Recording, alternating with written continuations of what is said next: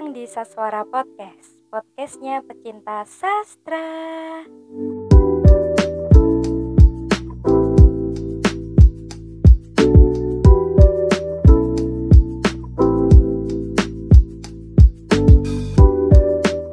Apa kabar teman Saswara Podcast? Semoga kalian selalu baik-baik saja ya Semangat selalu yang sedang memperjuangkan masa depan. Kalau capek, boleh istirahat demi mendapatkan dua langkah ke depan. Senang sekali saya Ayu dapat menemani ngobrol teman-teman di Saswara Podcast selama beberapa menit ke depan.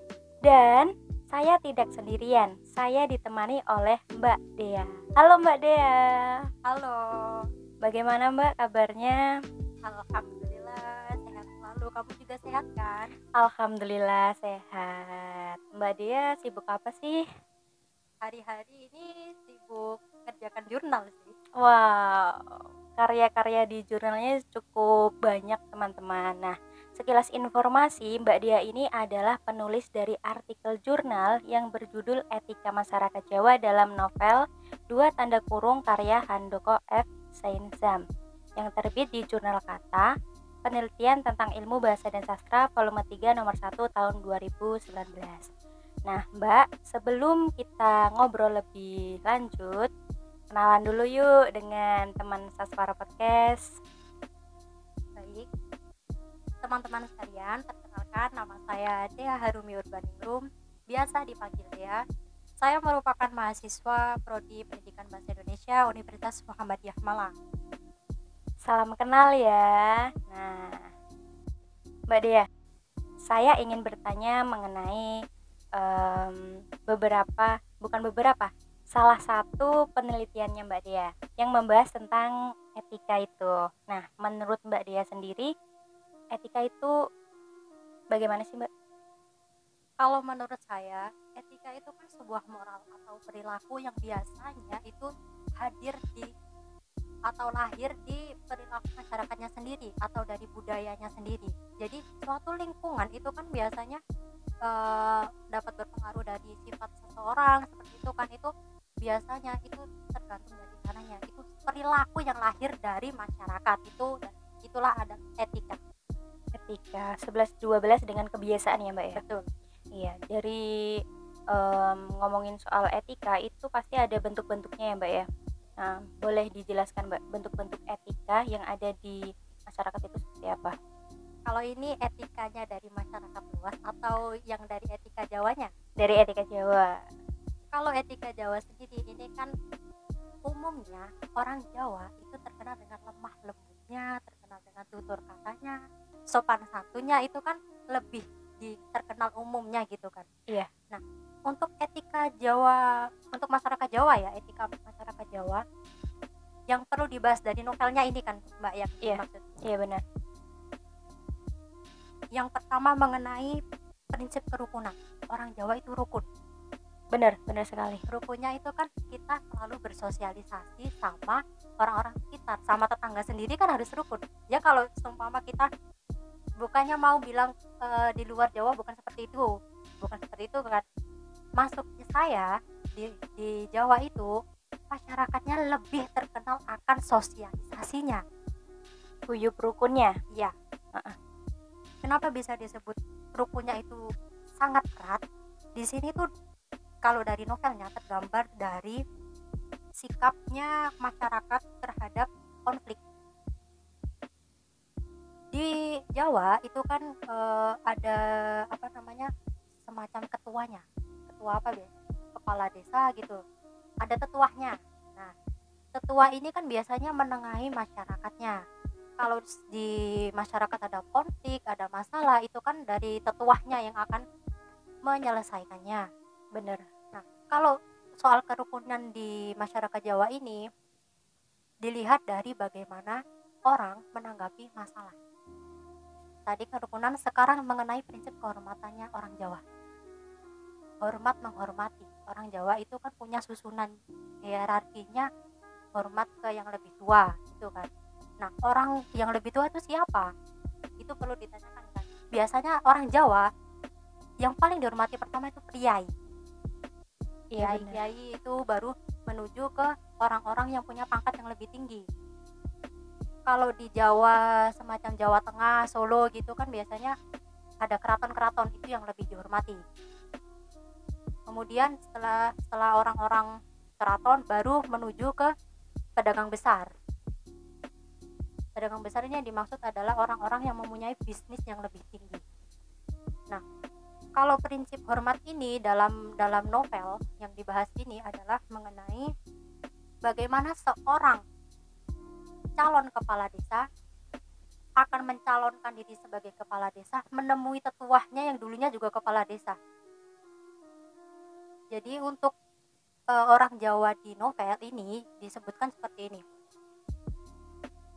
Ada satu tokoh dia ingin menjadi kepala desa dan sebelum menjadi kepala desa dia terlebih dahulu meminta nasihat kepada tetuahnya yang dulu juga seorang kepala desa. Dan cara memanggilnya ke tetuahnya itu bukan sekedar Pak Suryo bukan seperti itu tapi Mbah Yai itu jadi ada tingkatan memanggilnya supaya lebih dihormati. Jadi untuk um, memberikan suatu penghormatan kepada orang lain di Jawa itu memiliki strata yang berbeda-beda betul. Misalnya uh, orang muda ke orang yang lebih tua terus bisa juga yang lebih tinggi jabatannya seperti itu ya mbak ya. Iya betul. Lanjut mbak yang ketiga, yang ketiga? Ketiga ini mengenai etika keselarasan sosial. Nah di sini tuh lebih bahas di banyak mengenai peribahasa-peribahasa yang sering sekali digunakan orang Jawa. Yang paling sering itu adalah mikul dur mendem jeruk. Bodoh mikul dur mendem jeruk ini kalau diartikan secara umum orang yang memiliki tingkatan apa ego yang tinggi gitu kan mikul dur mendem jero itu dia punya pangkat yang tinggi tapi tetap punya hati yang lembut nah kalau di novel ini digambarkannya seperti ini. Salah satu toko yang bernama Damar dia kan seorang pembantu. Iya yang sedang mengabdikan mengabdikan hidupnya kepada Bapak Suryo. Abdinya majikannya. Nah di novel ini mikul dur mendem jeruk, mendem jeruk ini ditekankan pada keluarganya Daman karena dia sadar dulunya dia manut hidupnya itu pada Pak Suryo. Mengabdikan hidupnya ke Pak Suryo. Manut dari keluarganya. Kalau kalau tiba-tiba dia melenceng dari dari apa namanya melenceng dari sikapnya dia kan otomatis tidak punya rasa terima kasih Suryo. Karena dia kan udah ditampung di situ tapi kemudian nggak menghargai. Itu namanya bukan adat Jawa sekali gitu. Iya benar. Makanya mikul duwul mendem jero itu akan selalu ada dalam masyarakat Jawa. Selain mikul duwul mendem jero itu ada rumang samelu handar beni mulat sariro hang hang rosowan maksudnya mbak? Kalau rumang samelu handar beni ini saya sadar diri saya ikut orang lain. Berarti kalau mula cari rohang rosowani kalau saya berani kepada orang lain kepada orang yang telah menolong saya apakah itu pantas mulat cari rohang rosowani ini perlu sangat ditekankan kepada masyarakat Jawa ya. Kembali lagi masyarakat Jawa terkenal akan lemah lembutnya. Kita harus sadar diri itu yang paling penting untuk masyarakat Jawa. Ya meskipun di luar sana bukan hanya di Jakarta eh, bukan hanya di Jawa saja sikap seperti ini memang perlu ditekankan lebih gitu. Karena ketahuilah pada zaman sekarang orang-orang yang punya darah Jawa apakah masih mengingat tentang hal ini? Kita sudah sudah apa namanya tergantung dari teknologi kan? Iya benar. Sekarang tuh jarang sekali orang Jawa yang mau apa namanya meng, apa mengimplementasikan sikap ini. Orang lain itu udah lupa. Bahkan di Jawa sendiri pelajaran bahasa Jawa itu sangat sekali untuk di era sekarang ini yang bersikap seperti itu hanya beberapa orang saja. Betul. Nah mbak untuk oh sebelum pertanyaan selanjutnya yang keempat mbak? Yang keempat ini ada Nrimo ing kandum legalila dan pasrah sumarah. Kalau lima ing pandum kan ya kita kan kalau dikasih apa-apa harus menerima.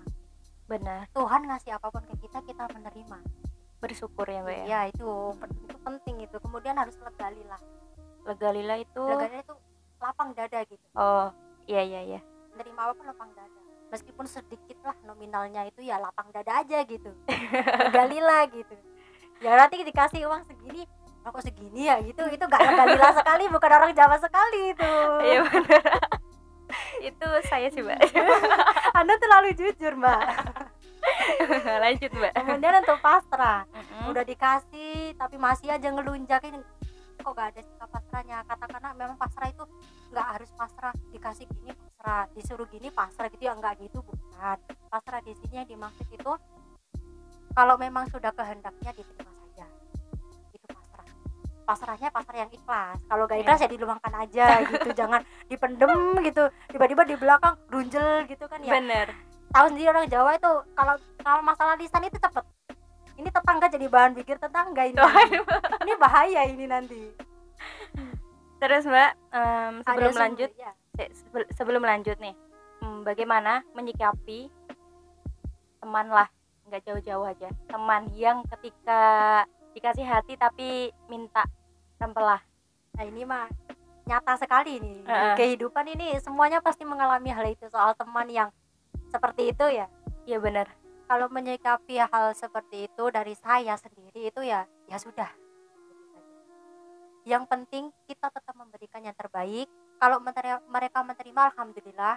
Kalau mereka mereka nggak nggak ada feedback untuk kita nggak ada kembalinya untuk kita ya sudah. Yang penting kita sudah ikhlas mengasihi mereka. Toh ya nanti mereka akan mengingat. Kebaikan itu asal- akan selalu diingat. Tapi tapi jangan kebaikan aja yang diingat. Jeleknya juga selalu diingat juga gitu untuk dibuat pengalaman ya mbak ya. Nanti kalau kebaikan doang jeleknya nggak ada ya gimana? Nggak ada manusia pasti ada jeleknya. bener bener oke lanjut mbak lanjut lanjut Ya. Yang selanjutnya ini kan ada sumara. Mm-mm. Sumara ini sikap yang sabar. sabar Sabar. kalau sabar itu Disayang Tuhan. disayang tuh bener bener bener sih bener Ya benar kan? bener tapi orang sabar itu harus ikhlas ya mbak ya Ya kalau sabarnya setengah bukan bukan sabar itu. apa mbak Ya gak ikhlas aja gitu. bukan sabar itu. iya iya Tapi biasanya kalau orang udah emosi gitu sabar ada batasnya. Nggak ada sabar gak ada batasnya. iya bener sabar nggak ada batasnya nggak ada kalau kamu emang kalau bilang sabar ada batasnya kamu selama ini hidup di mana sih berarti orang itu belum tahu sabar itu nah tingkat kesabarannya perlu Iya. perlu dites lagi perlu dites itu sabar gak ada batasnya loh. Ya. iya benar benar kalau kalau kalau ada saya tanya hukumnya dari mana? Nah itu. Nah, itu. hukumnya dari mana gitu. Lanjut mbak. Selanjutnya ada Riku Pawaku. Riku Pawaku ini kiku atau sungkan? Orang Jawa banget mbak. Nah kalau orang Jawa lewat itu kan nyuwun sewu gitu. Iya Nah, iya. kalau sama orang meskipun katakanlah dia masih seumuran sama kita gitu kan pasti kita ada ada apa namanya adatnya itu tra- tradisinya kita kan agak agak bungkuk dikit gitu kan lewat orang gitu. Iya. itu kan kiku kalau nggak gitu apa namanya sama orang yang kadang kita lewat gerombol-gerombol gitu kan ya sopan satunya harus tetap ada itu sungkannya yang perlu ditekankan di orang Jawa ada tiga poin cuma yang ketiga itu di etika keselarasan sosial itu yang dibahasnya dari paribasa paribasa Jawa oke pertanyaan selanjutnya nih mbak ayo. Etika keselarasan sosial itu mencangkup prinsip rukun dan prinsip hormat. Nah kedua prin- apakah kedua prinsip tersebut memiliki hubungan yang erat antara satu sama lain? Etika keselarasan sosial dengan prinsip kerukunan dan prinsip hormat. Mm-mm. hubung oh, apa namanya? Hubungannya itu sangat erat. Kenapa sangat sangat erat?